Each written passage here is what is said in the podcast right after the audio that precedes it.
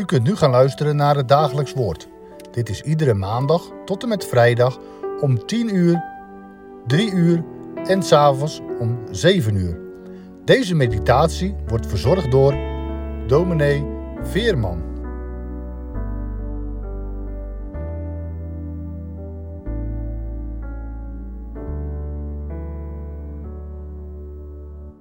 We lezen met elkaar uit Lucas 21, de versen 5 tot en met 12.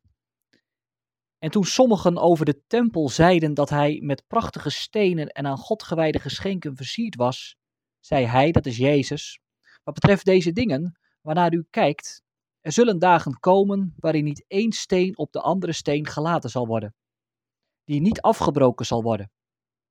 En ze vroegen hem, Meester, Wanneer zal dat zijn?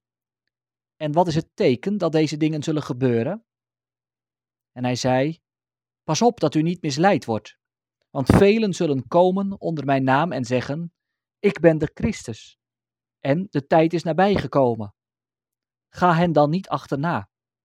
En wanneer u zult horen over oorlogen en allerlei oproer, wees dan niet verschrikt, want deze dingen moeten eerst geschieden, maar dat betekent niet meteen het einde.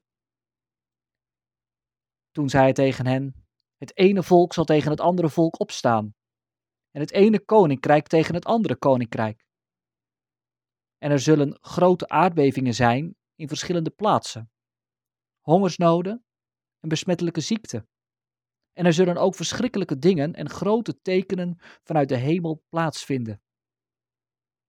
Maar voor dit alles zullen ze de handen aan u slaan en u vervolgen door u over te leveren in de synagogen en in gevangenissen. En u zult voor koningen en stadhouders geleid worden, omwille van mijn naam. Tot zover de lezing uit Woord van onze God. Veel Nederlanders zijn angstig door de oorlog in de Oekraïne. Er zijn mensen die hebben noodvoorraden ingeslagen. En ook de kindertelefoon is door allerlei vragen overbelast kinderen die berichten sturen over angst voor de oorlog. Maar onderzoek wijst uit dat ook ouderen zich heel veel zorgen maken. Waar gaat het naartoe in deze wereld? Deze zorgen en deze verwachting voor de toekomst vol zorg is niet heel nieuw. Het zit al langere tijd in de lucht. De crisis, de gezondheidscrisis, de coronacrisis, de vele beelden die wij zien van oorlog en zorg, zorgen over milieu en schepping, het voedt de gedachte. Waar gaat het naartoe? In wat voor tijd leven wij? De Heer Jezus gaat erop in. Op de tekenen van de tijd. Hij spreekt ook over de tekenen van de tijd. En hij doet het als mensen in gesprek zijn over de tempel. Er zijn er in de omgeving van de Heer Jezus die te midden van alle zorgen, te midden van de vragen die er zijn, wijzen op prachtige gebouw.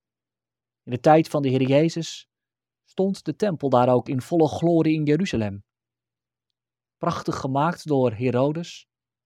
Een teken van de Joodse godsdienst. Onwankelbaar en groot als je naar die tempel kijkt. En veel mensen hielden zich eraan vast.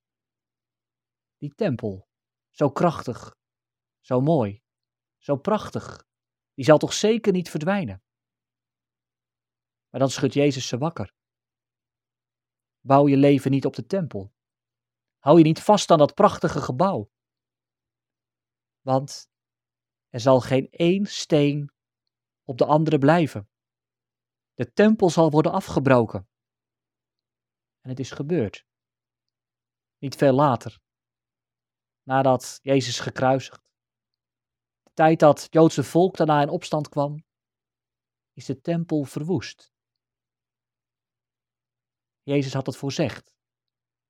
Mensen die zich vasthielden aan die prachtige tempel, ze zijn beschaamd uitgekomen. Gebouwen van steen, ze blijven niet staan, het gaat voorbij.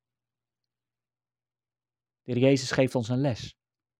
Laten we ons niet vasthouden aan dingen die wij imposant vinden in deze wereld. Laten we onze hoop niet bouwen op mensen, onze hoop niet bouwen op de economie, maar ook niet op prachtige kerken die wij hebben. Laten we opmerkzaam zijn op de tekenen van de tijd. En laten we ons voor alles vasthouden aan Jezus en zijn belofte. De heer Jezus spreekt verder. Pas op dat u niet misleid zult worden. Want er zijn tekenen om je heen. En wat noemt de Heer Jezus dan? Nou, de Heer Jezus, hij spreekt over oorlog, geruchten van oorlog. Het ene volk zal tegen het andere opstaan. Er zullen hongersnoden zijn, aardbevingen en besmettelijke ziekten. Tekenen van de tijd. Ziet u ze? Kijk eens om je heen. Oorlog aan de grens van Europa. Oorlog wereldwijd. Besmettelijke ziekte. Ja, ik weet het, het zijn dingen die door de hele geschiedenis aanwezig zijn. Maar de Heer Jezus, Hij wijst er wel op. Wees bereid om mij te ontmoeten. Wees bereid om voor God te verschijnen, want het einde komt. Er zullen verschrikkelijke tekenen plaatsvinden vanuit de hemel. En ze moeten gebeuren voordat het einde er zal zijn. Wanneer ik naar de wereld kijk, dan is er alle reden om mij zorgen te maken. Maar de gelovigen mogen het weten. Die tekenen van de tijd. Het zijn voetstappen van Hem die komt. Het zijn tekenen die moeten geschieden voordat de Zoon des Mensen zal wederkomen op de wolken van de hemel. Hebben de tekenen ook zo gezien? Zijn we ook zo bezig met de tekenen van de tijd die wij om ons heen zien? Oorlog op dit moment, de crisis, de epidemie, waar we wellicht doorheen zijn of we weten het allemaal niet. Laten we het in Gods hand leggen. En laten we opmerkzaam zijn als God spreekt, ook door schepping en natuur. Wat vraagt dat van ons? Hoe moeten we omgaan met die tekenen van de tijd? Nou, ik geef een paar handvatten. De eerste dit. Vouw je handen. Als je merkt dat de Heer spreekt. Vouw je handen en bid, Heere, wees ons genadig. Hou mij vast in deze tijd. Tweede, laat je niet misleiden. Dat is wat de Heer Jezus ook zegt in dat achtste vers. Pas op dat u niet misleid wordt, want velen zullen komen onder mijn naam en zeggen, ik ben de Christus en de tijd is nabijgekomen. Ga hen niet achteraan. Laat je niet misleiden door allerlei profeten en mensen die zeggen het precies te weten. Want Christus, Hij zal komen. En het zal duidelijk zijn. Laat je niet meeslepen door allerlei gedachten die je bij Jezus Christus vandaan halen. Maar richt je op Hem. Laat je niet misleiden. Het derde. Sta klaar om Christus te ontvangen. En dan zijn we ook gelijk bij het vierde, want daar zit een vraag bij. Ben je bereid om voor God te verschijnen? Als je de tekenen van de tijd ziet, een wereld in onrust, als je het hebt gezien, dat Christus heeft gezegd, die tekenen moeten komen, weet je het dan? Ik ben gereinigd door het bloed van Christus. Het is vandaag een dag in de lijdenstijd. We zijn onderweg naar Pasen. We zien de Heer Jezus gaan naar Jeruzalem. Als Hij door de stad loopt, dan is de tempel daar nog. Die tempel is inmiddels verwoest. Jezus Christus. Hij liet ook zijn tempel afbreken. Waarom?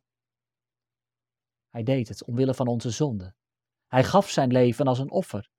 Zijn tempel werd afgebroken. Maar hij stond ook op. Uit de doden. Want bij hem is het leven te vinden. En hij zegt dat wie in mij gelooft, die zal leven, ook al is hij gestorven. En daarom, als wij horen van oorlog, van rumoer, van geruchten, van tekenen van de tijd, dan zegt de Heer Jezus, laat je niet in beroering raken. Wees dan niet verschrikt, want deze dingen moeten geschieden. Wie in Christus is, mag hoop hebben voor de toekomst. En inderdaad, dan kijk je in de wereld om je heen. Dan kan je zorgen hebben over alles wat er gebeurt. Maar je weet het, het is niet hopeloos. Want Jezus leeft. Hij regeert. Bent u klaar om Hem te ontmoeten omdat u het weet? Ik ben geborgen en gereinigd door het bloed van Christus. Amen. Zullen met elkaar danken. Heer in de hemel, wij danken u dat u deze wereld regeert. Heer, maak ons opmerkzaam voor de tekenen van de tijd. Als we horen over oorlog en geruchten van oorlog, over epidemieën en ernstige ziekten, het zijn voetstappen van u die komt. En nog is het einde er niet. Heere, leer ons bidden. Leert u ons om opmerkzaam te zijn en u te verwachten. Heere, geef boven alles dat we bereid zijn om u te ontvangen. Omdat we leven van uw verzoenend lijden en sterven. Heere, dat geeft hoop, dat geeft houvast in deze onrustige wereld. Heere, geef vrede. Geef genade aan deze wereld in beroering. Wij bidden u om alles wat nodig is voor vandaag, morgen en voor de toekomst. Wij bidden u om vergeving van zonde, om vrede tussen de volken. In Jezus' naam. Amen.